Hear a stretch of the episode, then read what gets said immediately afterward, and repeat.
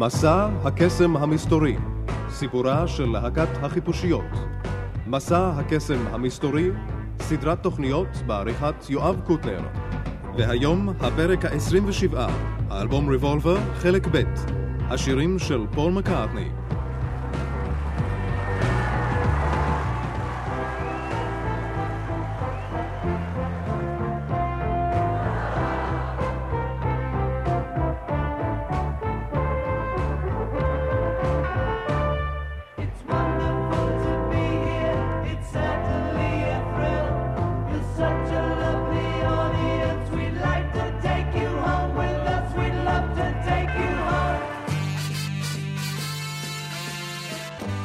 שלום לכם. בשבוע שעבר התחלנו לשמוע את האלבום השביעי של הביטלס, ריבולבר, אלבום הנחשב בעיני רבים לאחד מאלבומיהם הטובים ביותר. בתוכנית הקודמת השמענו את השירים שכתבו ג'ון לנון וג'ורג' הריסון. היום נשמע את השירים של פול מקארטני. החלוקה הזאת לשתי קבוצות נועדה להקל על ניתוח התקליט ועל ההבחנה בין הכיוון היצירתי של פול לעומת זה של ג'ון. כדאי להזכיר שוב שכאשר יצא האלבום הזה, באוגוסט 1966, שמעו המאזינים יצירה אחת משותפת לג'ון, פול, ג'ורג' ורינגו. בסוף התוכנית היום נביא שוב סקירה מהירה של שירי האלבום לפי הסדר בו הם יצאו לאור. בספר על הביטלס שהוציאו עורכי השבועון הבריטי New Musical Express נכתב על ריבולבר. האלבום הכמעט מושלם הזה יכול להיראות כשיא הקריירה היצירתית של הביטלס. הם ייקחו על עצמם בעתיד הפקות שיוכתרו בביקורות דומות, חלקן שאפתניות יותר. אך ריבולבר הוא הישג כזה שכל אומן היה יותר משמח לראות אותו כפסגת הקריירה שלו, לא פחות מכך. האלבום הזה היה יכול להיווצר רק בנקודת מפנה זו בקריירת הביטלס. ההופעות היו בשבילם מעצור למוסיקה. רבולבר מסמל את העלייה של הביטלס כלהקת אולפן טהורה. ביחד עם הריכוז של כל ההשפעות עליהם, במקום אחד ובזמן אחד, ביחד עם המשיכה שלהם אל אידיאולוגיות המבוססות על סמים, הכל השתלב במכלול שהשתמשו בו בשמחה שהפכה לאופנה מסחררת. פרט לכישרון המבריק שבא לידי ביטוי כמעט בכל שיר באלבום, יש כאן עדיין גורם חזק של משמעת מתחת לפני השטח. משמעת שאפיינה תמיד את עבודתם ושהופכת את ריבולבר לחסר הזמן. שלא כמו סארג'נט פפר, האלבום הזה עבר את הזמן בצורה נאה. הוא אפילו הצליח להתבגר עם הזמן. הערך של ההמצאות המוסיקליות, המבט החברתי והאינטואיציות גלויות הלב נשמע היום מרענן ממש כמו ביום בו יצא האלבום הזה לאור. האפקט הכללי של ריבולבר הוא מופלא. הביטלס לא עברו אף פעם את רמת הכתיבה והנגינה שאפשר למצוא כאן כמעט בכל שיר. למרות שג'ון לנון אמר מאוחר יותר שהוא כלל לא זוכר את ההקלטה של ריבולבר, נראה שזהו אחד הביטויים הנפלאים ביותר של יצירת הביטלס. I'm so proud to know that she is mine. Good day, sunshine. Good day, sunshine. אנחנו פותחים בשיר שקט מאוד, אחד משירי האהבה הנפלאים ביותר שכתב פול מקארטני. כאן, שם ובכל מקום. Here, there and everywhere. גם פול וגם ג'ון היו תמימי דעים בכך שזהו אחד השירים המושלמים ביותר שיצר פול. קולו של פול מוכפל כאן, והביטלס הוסיפו כאן גם כלי קצב מיוחדים, נקישה באצבעות.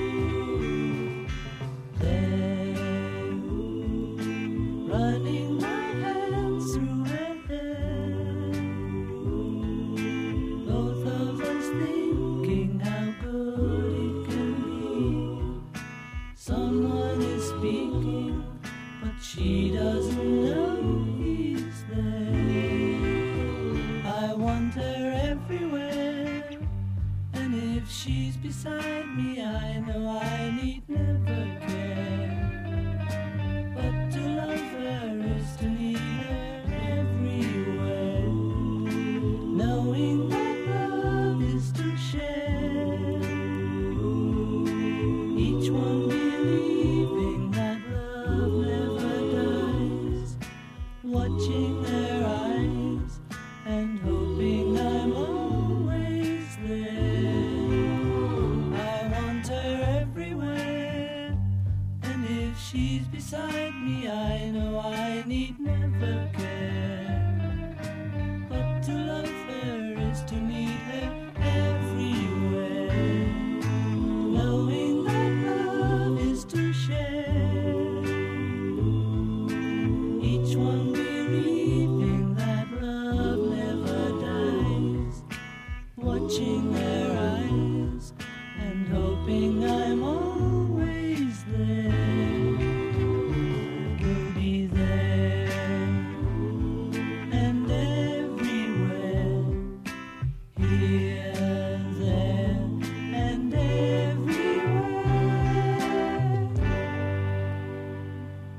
כאן, שם ובכל מקום.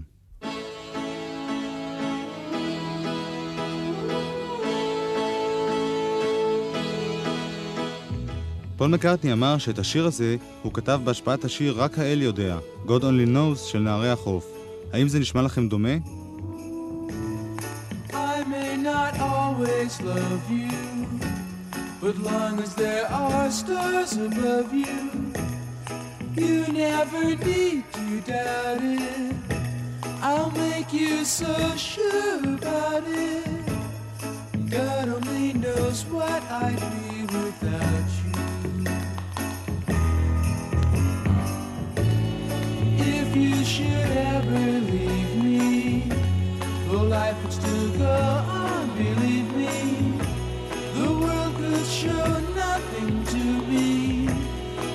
What good would living do me?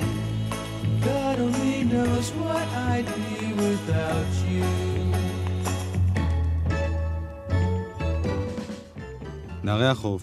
ואנחנו חוזרים אל הביטלס ואל השיר כאן, שם ובכל מקום. יוסי מר חיים אומר על השיר הזה.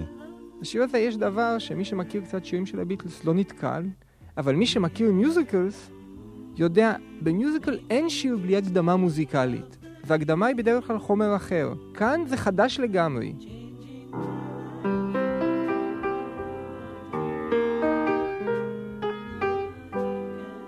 ואז באה טקסטורה שזה בפירוש מיוזיקל.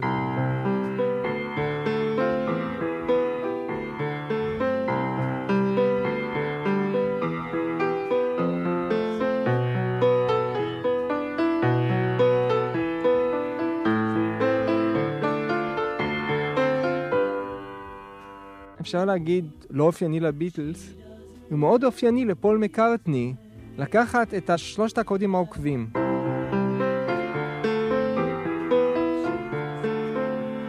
דבר שהיה יותר מתאים לאוקלהומה.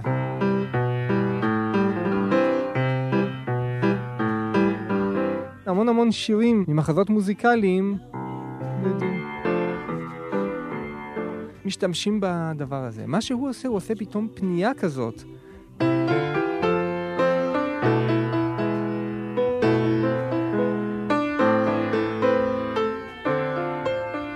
ועכשיו ההפתעה.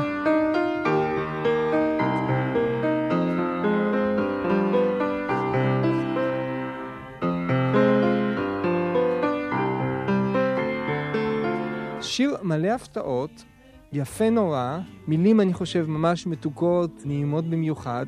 איכשהו זה מין אנטיתזה לכל מה שג'ון עושה בתקליט הזה. יוסי מר חיים. על השיר הבא, צוללת צהובה, כתב פרשן שירי הביטלס, ווילפריד מלרס. השיר צוללת צהובה מופיע באלבום אחרי כאן, שם ובכל מקום של פול. הביטלס מטרפדים את הרכות שבכאן, שם ובכל מקום עם הצוללת הצהובה. אחרי הטנור הרך של פול, הצליל הכהה והליברפולי של רינגו מחזיר אותנו למציאות. לעיר שבה נולדתי, כדברי השיר, במקצב חגיגי שמזכיר להקות חובבניות בחגיגות של פועלים. אבל כפי שהפשטות של כאן, שם ובכל מקום מטעה, כך גם הבנאליות של צוללת צהובה. היא מטעה כיוון שהשיר הזה הוא החייאה של זיכרונות ילדות וגם חופש לחלום. חסר מודעות עצמית, כמו שיר ילדים שבבי, אבל אמיתי לניסיון שלהם. אלה לא גיבורי קומיקס אמריקניים שמטפסים על הצוללת הצהובה, אלא דן המיואש ולורד סנוטי והחבר'ה שלהם. היציאה אל ים החלומות היא מהמזח של ליברפול. השיר הזה הוא מעין מעבר מהילדות האנושית אל העולם המיסטי שיתגלה במלואו בסארג'נט פפר. המוסיקה מזכירה ילדות בליברפול, והיא נושאת את הביטלס בצוללת אל הלא מודע, מקום משם תצמח המוסיקה היותר טובה שלהם בעתיד. את השיר צוללת צהובה כתב פול מקארטני. בתמליל עזרו לו ג'ון לנון והזמר דונובן שהוא חבר של הביטלס. במקהלת הרקע העליזה של השיר משתתפים חברים ובני משפחה, ביניהם פטי הריסון, מל אבנס, ניל אספינול, ג'ורג' מרטין, ג'פרי אמריק הטכנאי ועוד רבים אחרים. האפקטים של הצוללת בתוך המים נוצרו על ידי ג'ורג' הריסון שערבל מים בתוך דלי. ג'ון יצר גם הוא אפקט מיוחד כשנשף לתוך המים בקשית. צוללת צהובה. In the town where I who sailed to sea, and he told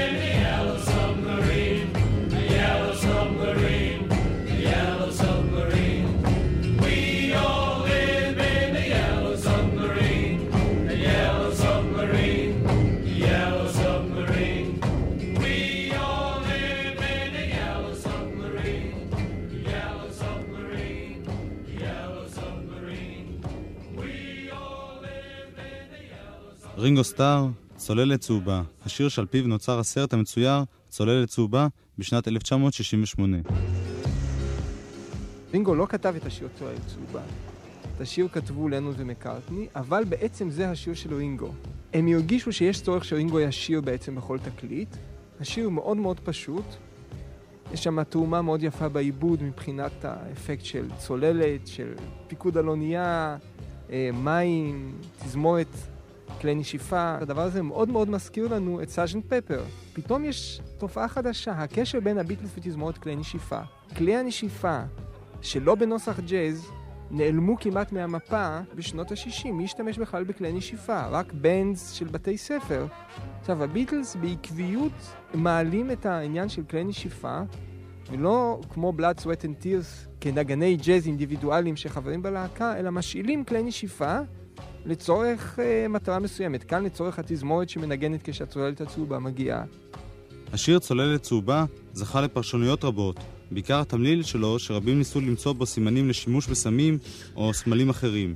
רינגו נשאל האם בצוללת צהובה יש רמז בתמליל לסמים. בכלל לא. זהו שיר ילדים פשוט בלי שום משמעות נסתרת. הרבה אנשים פירשו את השיר כשיר מלחמה, שכל העולם יחיה בצוללות צהובות. זה לא המקרה. Yeah, it was great, you know. You think so? It's strictly fun, yeah. I think the funniest one I've ever made. well, it's up to you. זה היה השיר העליז ביותר שאני שרתי. ופול מקארטני הוסיף באותו נושא. ידעתי שהשיר הזה יקבל כל מיני פירושים, אבל זה היה באמת שיר ילדים. אהבתי את הרעיון שילדים ישירו אותו, זו הייתה כל הכוונה. לכן זה היה צריך להיות שיר קל מאוד, אין בו אף מילה גדולה אחת. לילדים קל יותר להבין אותו מאשר למבוגרים. בעיר שבה נולדתי חי איש שהפליג בים, הוא סיפר על חייו בארץ הצוללות. זו באמת התחלה של סיפור ילדים. יש מין ממתק שנראה כמו סוכר מקרח. זה ממתק כזה שמכניסים לתוך מים ושותים. קראו לזה צוללת, והיינו אוכלים את זה בחופש. צוללת צהובה, משיר הילדים שכתב פול מקארטני אל אחד השירים המבוגרים והרציניים ביותר שהוא כתב, אלינור ריגבי.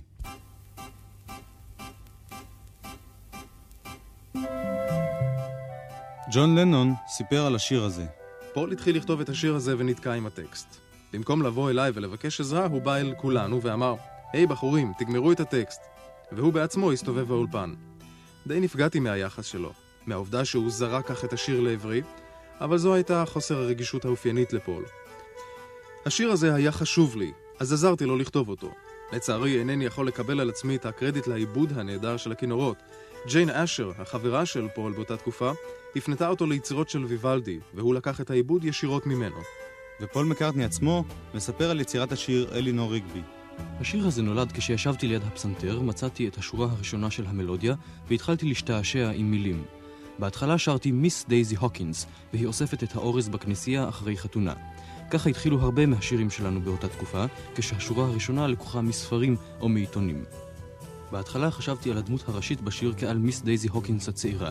קצת דומה לאנבל לי, אבל לא כל כך סקסית.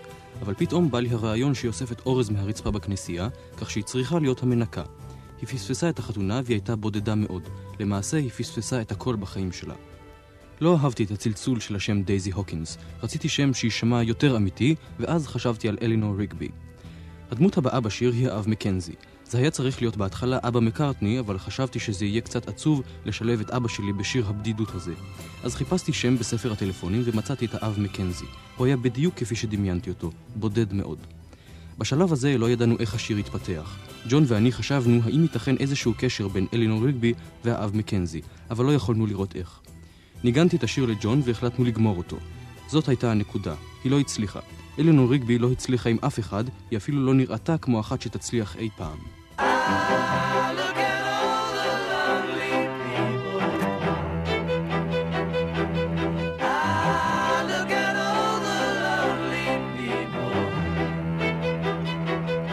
השיר אלינור רגבי, שהוא בלי ספק אחד השירים החשובים ביותר שנכתבו בשנות ה-60 בכלל. יש בשיר הזה תופעות מוזיקליות נהדרות. קודם כל, הליווי של כלי מיתר.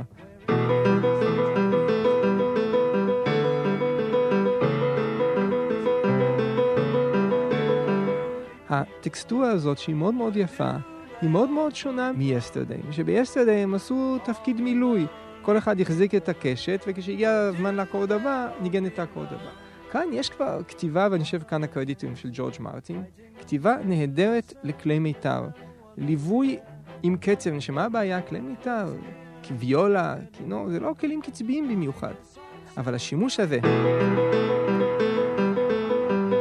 והבאס, בס אדיר בצ'לו. עכשיו, קצת דברים מוזיקליים שלפעמים לא שמים לב. כשהם שרים, אה, מישהו אחר שר, ומקבלים את שני הדברים האלה ביחד, זה שני דברים שונים בהחלט, הם עושים את זה ביחד. אם לא מתייחסים בציניות, ופשוט מקשיבים לזה, בלי לחשוב שזה הביטלס וזה כלי מיתר וכל מיני דברים, זה שיר מרגש בצורה, בצורה שלא תאומן. ממש מביא דמעות. פול מקארטני הוא הביטל היחיד המשתתף בהקלטת השיר הזה. איתו מנגנת תזמורת קאמרית של ארבעה כינורות, שתי ויולות ושני צ'לו. אלינור ריגבי.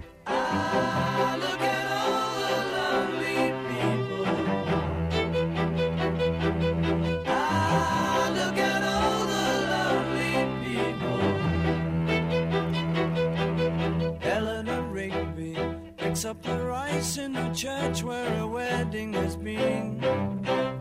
Lives in a dream, waits at the window, wearing the face that she keeps in a jar by the door.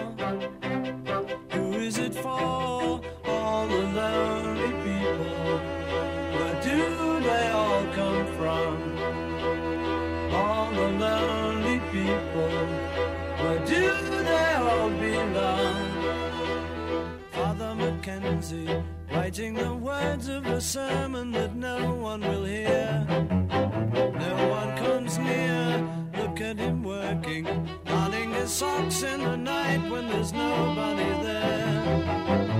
What does he care? All the lonely people,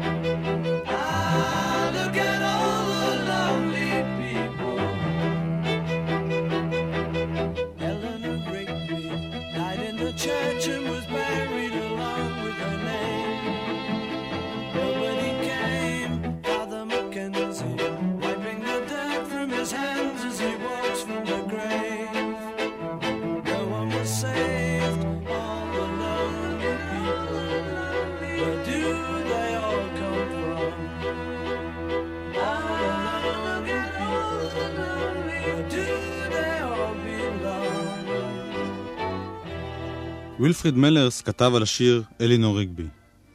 אלינור ריגבי הוא שיר פרו-אהבה. זוהי לא אותה האהבה ששלטה בשירי הביטלס הראשונים. המשמעות שלה כאן שונה.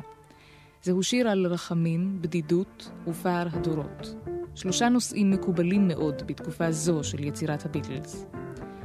השיר הוא למעשה בלדה, סיפור מעשה מושר, והמילים הן שירה. הוא מספר על מנקה בשם אלינור ריגבי, אישה מבוגרת, שאוספת אורז בחתונה של מישהו אחר. היא חיה בחלום, שומרת את פניה בצנצנת ליד הדלת. השיר הוא גם על האב מקנזי, כומר שחי לבדו, מתקן את הגרביים שלו בלילה הריק, כותב דרשה שאף אחד לא רוצה לשמוע, מנקה את ידיו מהלכלוך. הלכלוך מן הקבר בו קבר את אלינור ריגבי, בטקס שאיש לא היה נוכח בו. המילים הפשוטות האלה מצליחות לצייר לא רק את שתי הדמויות הבודדות האלה, אלא את כל האנשים הבודדים. אלינו ריגבי והאב מקנזי קשורים אולי לדמויות אמיתיות מילדותם של הביטלס, אבל הם מייצגים את כל האנשים הבודדים, וזה כולל אותנו ואת הביטלס הצעירים. ולמרות זאת, אין בשיר הזה התמכרות לרגשות.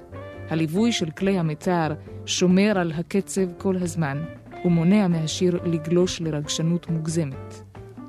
הערה מאוד נכונה, משום שאם היה מלווה את זה ככה, דה דה דה דה, דה דה דה דה, דה דה דה דה, דה דה דה. אם היה נותן אותו ליווי כמו של Yesterday, זה היה ממש אופרת סבון. הדבר הזה, שכל הזמן יש קצב ברזל.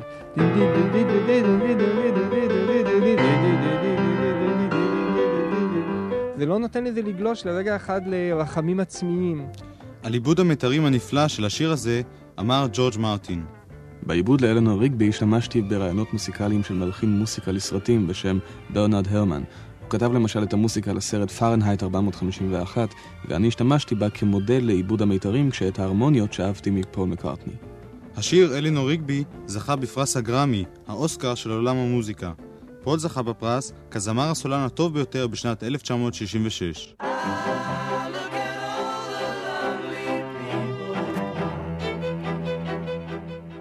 השיר אלינור ריגבי היה בין השירים הראשונים של הביטלס שזכו להערכה רבה גם בגלל המילים שלהם, למרות שהיו כמובן שירים קודמים בעלי תמלילים מצוינים. ביקשתי מדוקטור שמעון זנדבנק, שהוא מרצה לספרות באוניברסיטת ירושלים, לומר מספר מילים בקשר לשיר הזה ולשירים אחרים של הביטלס. העובדה המרכזית שצריך לקחת בחשבון כשבוחנים את שירי הביטלס מבחינה ספרותית, היא שאלה הם שירים שהמילים והמנגינה שלהם באו מאותו מקור. בדרך כלל כיום אנחנו מתייחסים בנפרד לשיר כשיר כתוב ושיר כמשהו ששרים. בתחילת ההיסטוריה של השירה, מילים ומנגינה באו תמיד מאותו מקור. עצם הרעיון של הפרדה בין מילים ומנגינה הוא רעיון חדש יחסית. זה קורה לפני 400 שנה בערך. הצמידות של מילים ומנגינה היה משהו מובן מאליו בתחילת ההיסטוריה של השירה. תפילות, שירי פולחן, שירי עבודה, וגם אחר כך, גם בציוויליזציה יותר מתקדמת, הטרובדורים, הזמרים הנודדים, בימי הביניים וכולי, כולם כתבו מילים ומנגינה בבת אחת, וזה לא היה שהמילים היו מוכנות ואחר כך הלחינו אותם, אלא הדברים האלה באו מאותו מקור, המוזיקה והמילים. כשאנחנו רואים ניסיון מודרני כזה, כמו של הביטלס, לחבר מילים למנגינה ומנגינה למילים, כששני הדברים באים ביחד, הרי צריך לקחת בחשבון את העובדה הזאת, מכיוון שהמבנה המוזיקלי מכתיב הגבלות מסוימות לגבי המילים, למשל החזרות האופייניות למוזיקה, הפזמון החוזר, הקבלות שונות, וגם פשטות. אי אפשר כאן שתהיה אותה רב משמעות, אותן דקויות של תוכן האופייניות לשירה כתובה, לשירה שקוראים. המילים צריכות להיות פשוטות, שקופות, ברורות, בעלות מסר פחות או יותר חד משמעי. הצורה השירית שממחישה ביותר הפזמון חוזר, חזרות, הקבלות, בהשפעת המוזיקה היא צורת הבלדה. הבלדה, שהיא שיר סיפורי, בראשית דרכה הייתה שיר מושר, שיר סיפורי מושר, עם פזמון חוזר ועם הרבה מאוד הקבלות, ועם איזו עלילה פשוטה, דרמטית, קליטה מאוד לאוזן. האם אלינור ריגבי יכול לחשב כבלדה? כשלוקחים שיר כמו אלנה ריגבי, יש לנו כאן מעין בלדה כזאת. יש כאן סיפור מעשה, מינימלי, אבל בכל אופן סיפור מעשה, עצוב, אופייני מאוד לבלדה, בקווים מאוד מאוד כלליים על, על מה בודדה, כומר בודד, ובבית השלישי מפגש של השניים, אלנה ריגבי מתה, ופאדר מקנזי אומר את התפילה על הקבר, והטקסט אה, כולו בנוי על הקבלות וחזרות המוכתבות על ידי המנגינה החוזרת והמקבילה. יש בהקבלה הזאת של הבדידות המשולשת, של העלמה לבד, של הכומר לבד, של הלוויה. הצירוף הזה של אורז וחלום, של הקונקרטי מאוד, ושל החלום הזה שלעולם אינו מתגשם, שהיא חיה בו, יש בזה איזה כוח. יש כאן בסך הכל שיר שמנצל את ההקבלות וחזרות המוזיקליות על הצד היותר טוב.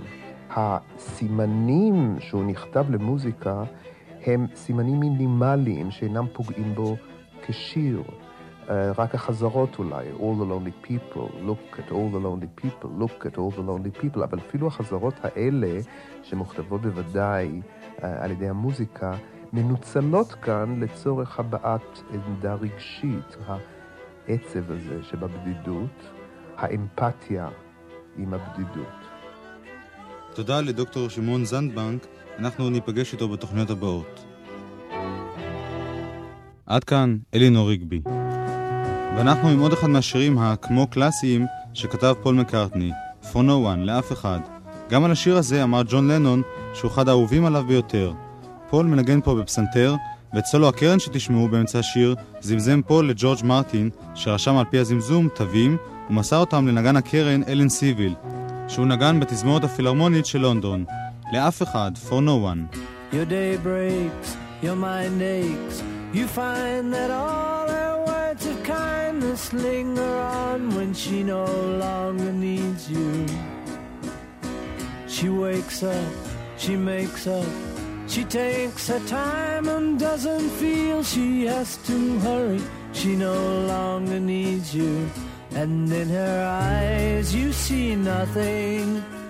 No sign of love behind the tears cried for no one. A love that should have lasted years. You want her, you need her, and yet you don't believe her when she says her love is dead. You think she needs you.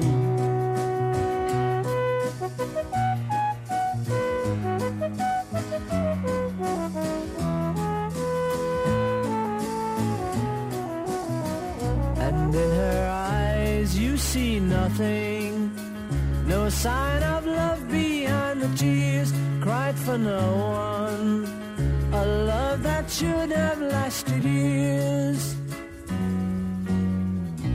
stay home.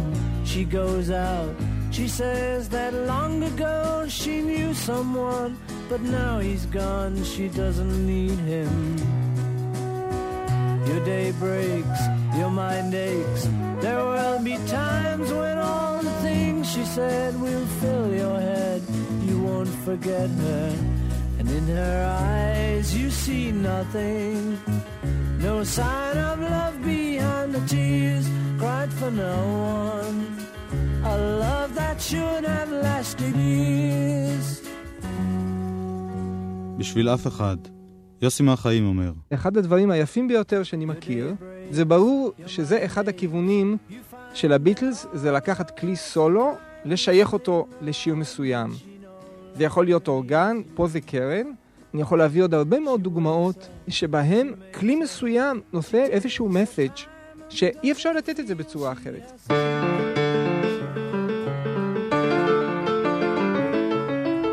זה מוצרטי, טקסטורה מוצרטית אופיינית. זה ברור שג'ורג' מרטין פה, פה התלבש על העניין, פה לא ידע לכתוב את זה. וג'ון אמר על ג'ורג' מרטין.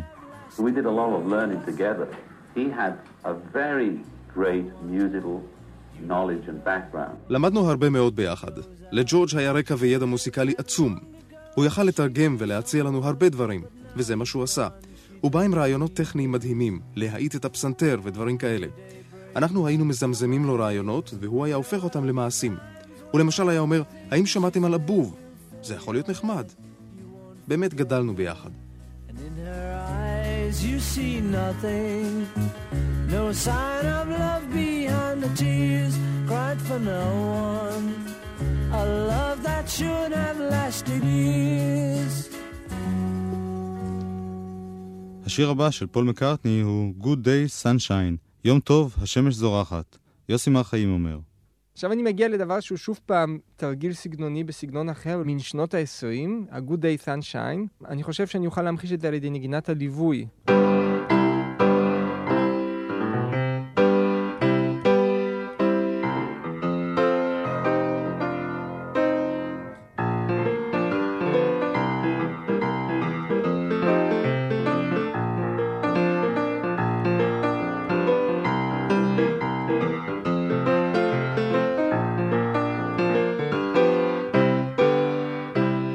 נגינת הפסנתר כאן היא נגינת פסנתר שעוד לא שמענו אצל הביטלס מהסיבה הפשוטה שהם לא כתבו שיר בסגנון הזה. הפסנתר כאן הוא פסנתר באמת מין הונקי טונק כזה של שנות ה-20. אחד ההברקות של פול מקארטני פה זה להיכנס לשנות ה-20, אבל באווירה של מילים שברור לנו שזה לא, שזה לא שנות ה-20. בפסנתר בשיר הזה מנגן הפעם ג'ורג' מרטין.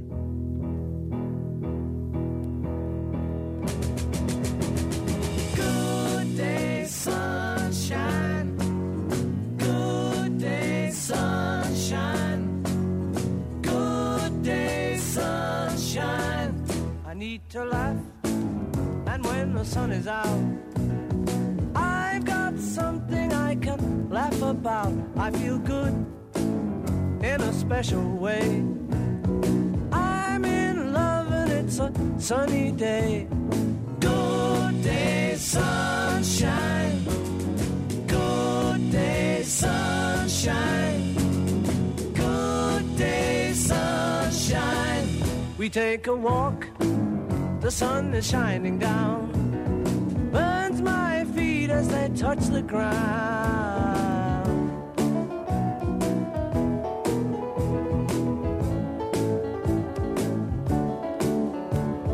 Good day, sunshine.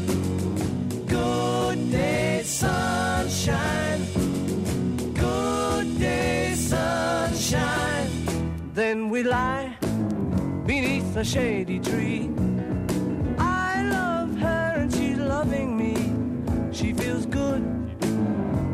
She she's looking fine. I'm so proud to know that she is mine. Good day, sunshine.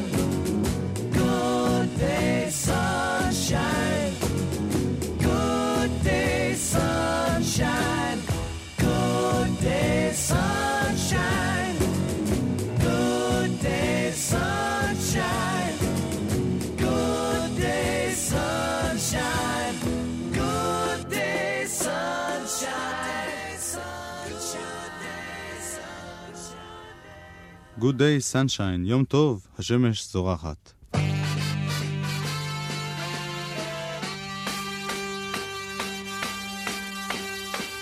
I was alone, I took a ride, I didn't know what I would find there. Another road where maybe I could see another kind of mind there. Ooh, then I suddenly see you. Ooh, Did I tell you I need you every single day of my life? ועוד שיר אחד של פול באלבום ריבולבר, Got to get you into my life, אני צריך להכניס אותך אל חיי. ג'ון אמר על השיר הזה. היינו קצת מושפעים מהצליל של טעם למוטאון בשיר הזה. היינו מושפעים מכל דבר שהלך. את השיר הזה כתב פול, וזה עוד אחד מהשירים הכי טובים שלו. זו הוכחה לכך שכאשר פול מתאמץ באמת, הוא מסוגל לכתוב גם טקסט טוב. Got to get you into my life זה פול הקשוח. פול יכול לחקות רוק בצורה יוצאת מן הכלל. Got to get you into my life הוא שיר מאוד מאוד אלים. אני צריך להכניס אותך לחיים שלי בכוח, וממש בכוח. יש בשיר הזה משהו מאוד אלים.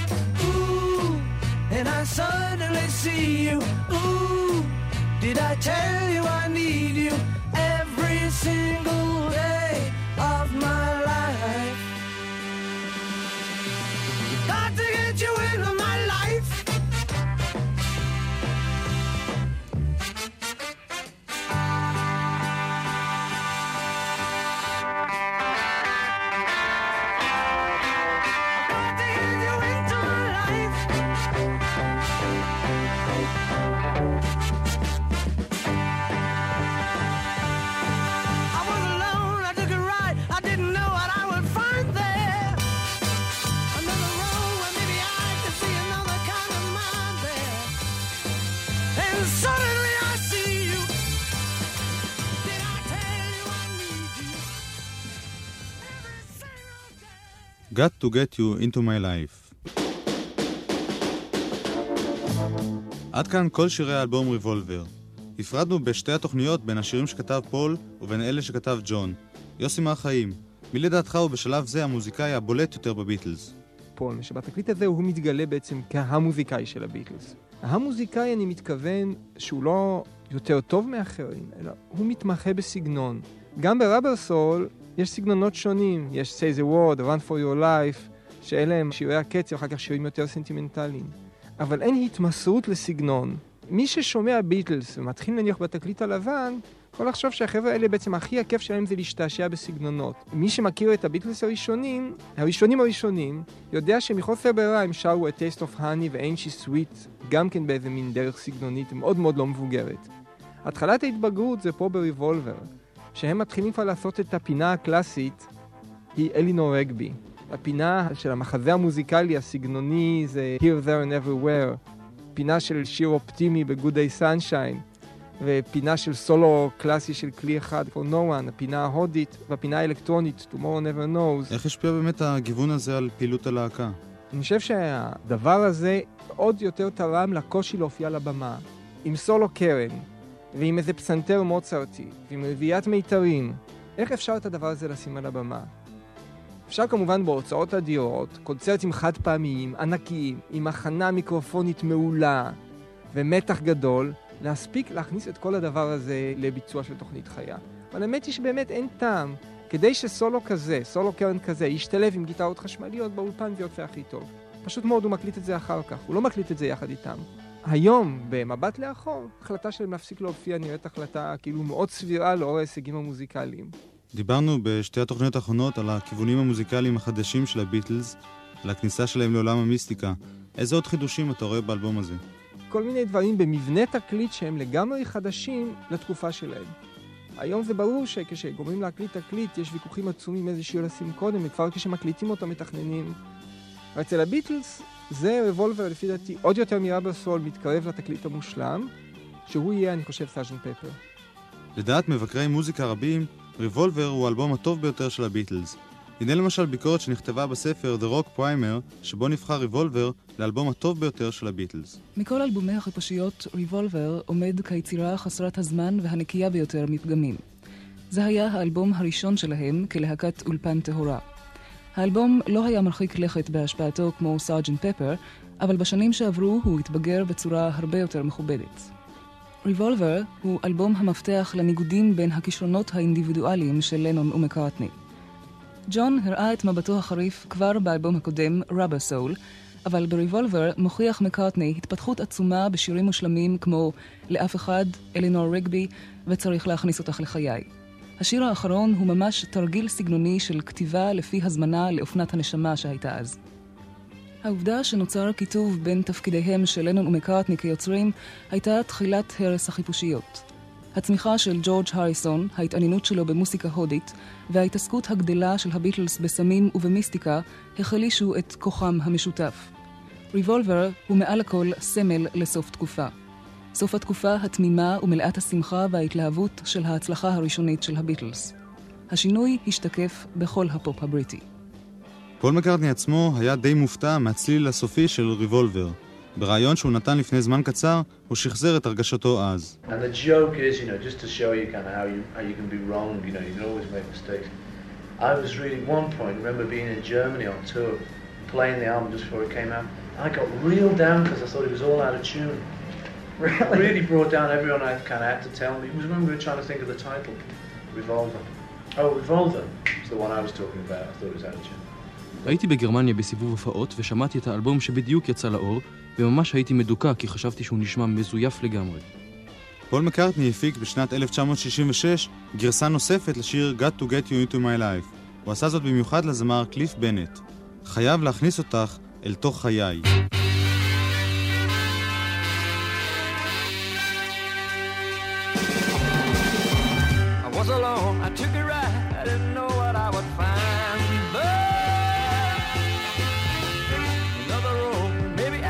See another kind of man.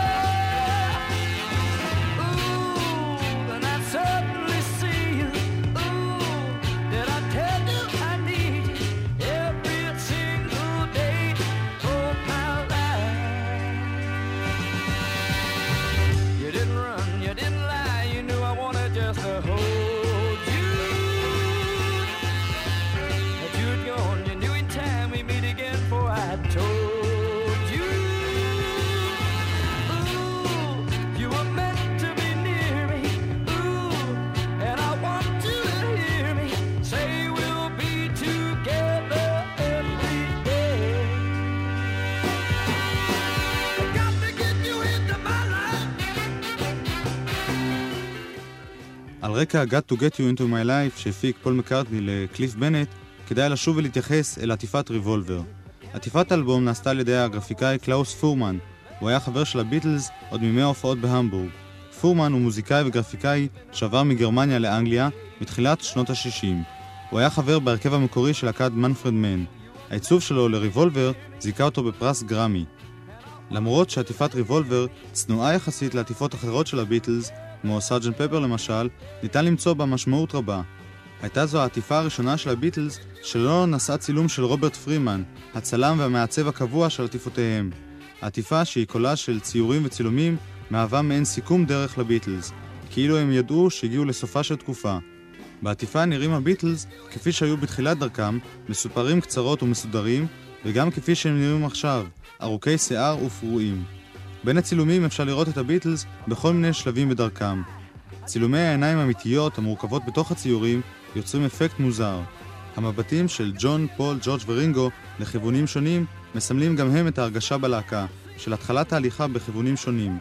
את קלאוס פורמן עצמו, אגב, אפשר לראות בצילום קטן מתחת לסנטרו של ג'ון.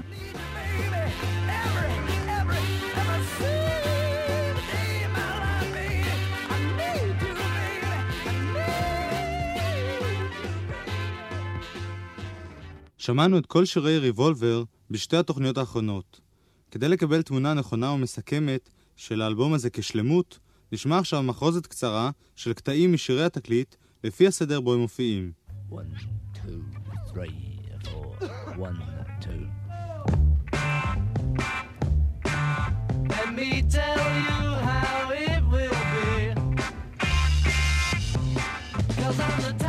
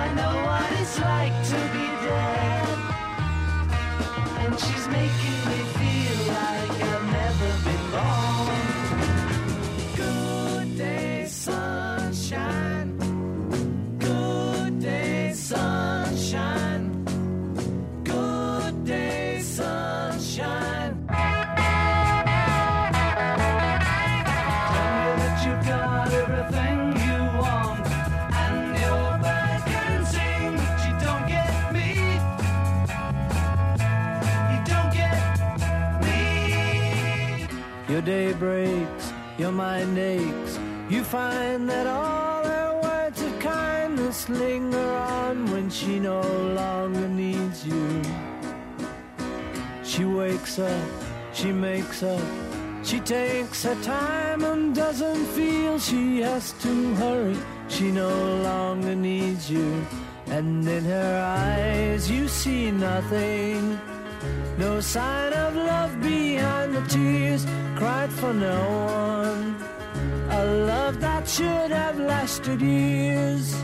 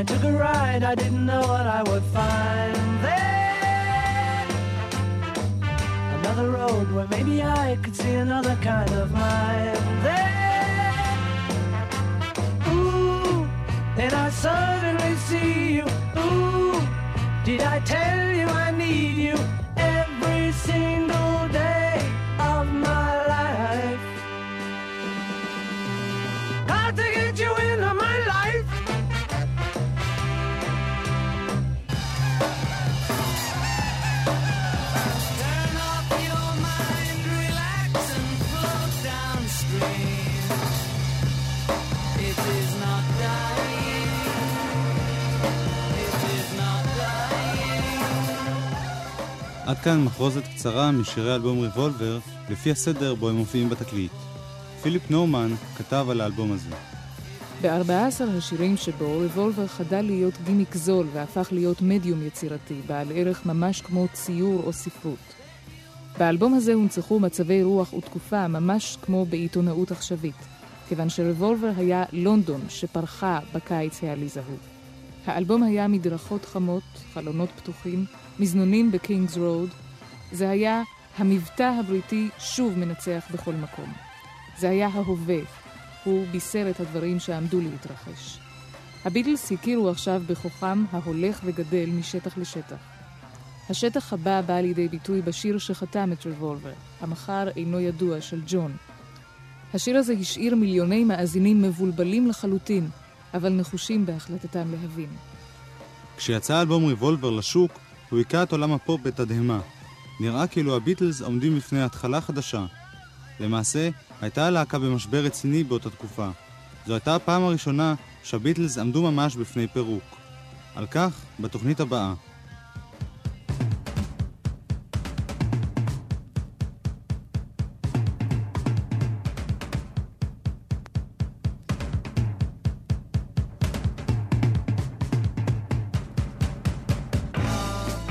מסע הקסם המסתורי, סיפורה של להקת החיפושיות. סדרת תוכניות בעריכת יואב קוטנר. עוזר עריכה עודד הלברונר. הקליט דורון זאב. בתוכנית הבאה, Oldies but Goldies, ישנים אבל מוזהבים.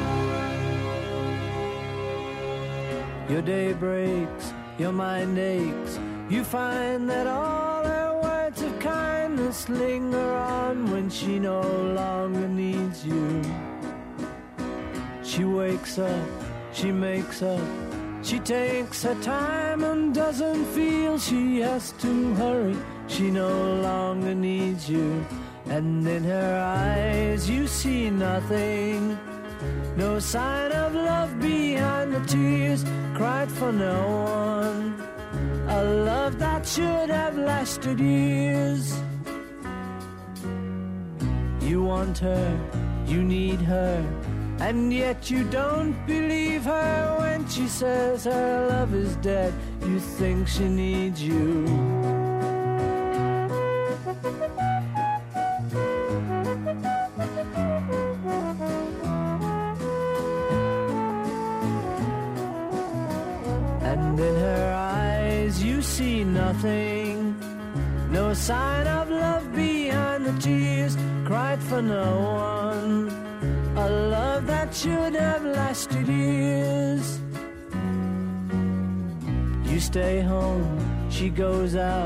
She says that long ago she knew someone, but now he's gone, she doesn't need him. Your day breaks, your mind aches. There will be times when all the things she said will fill your head. You won't forget her. And in her eyes you see nothing. No sign of love behind the tears cried for no one. A love that should have lasted years.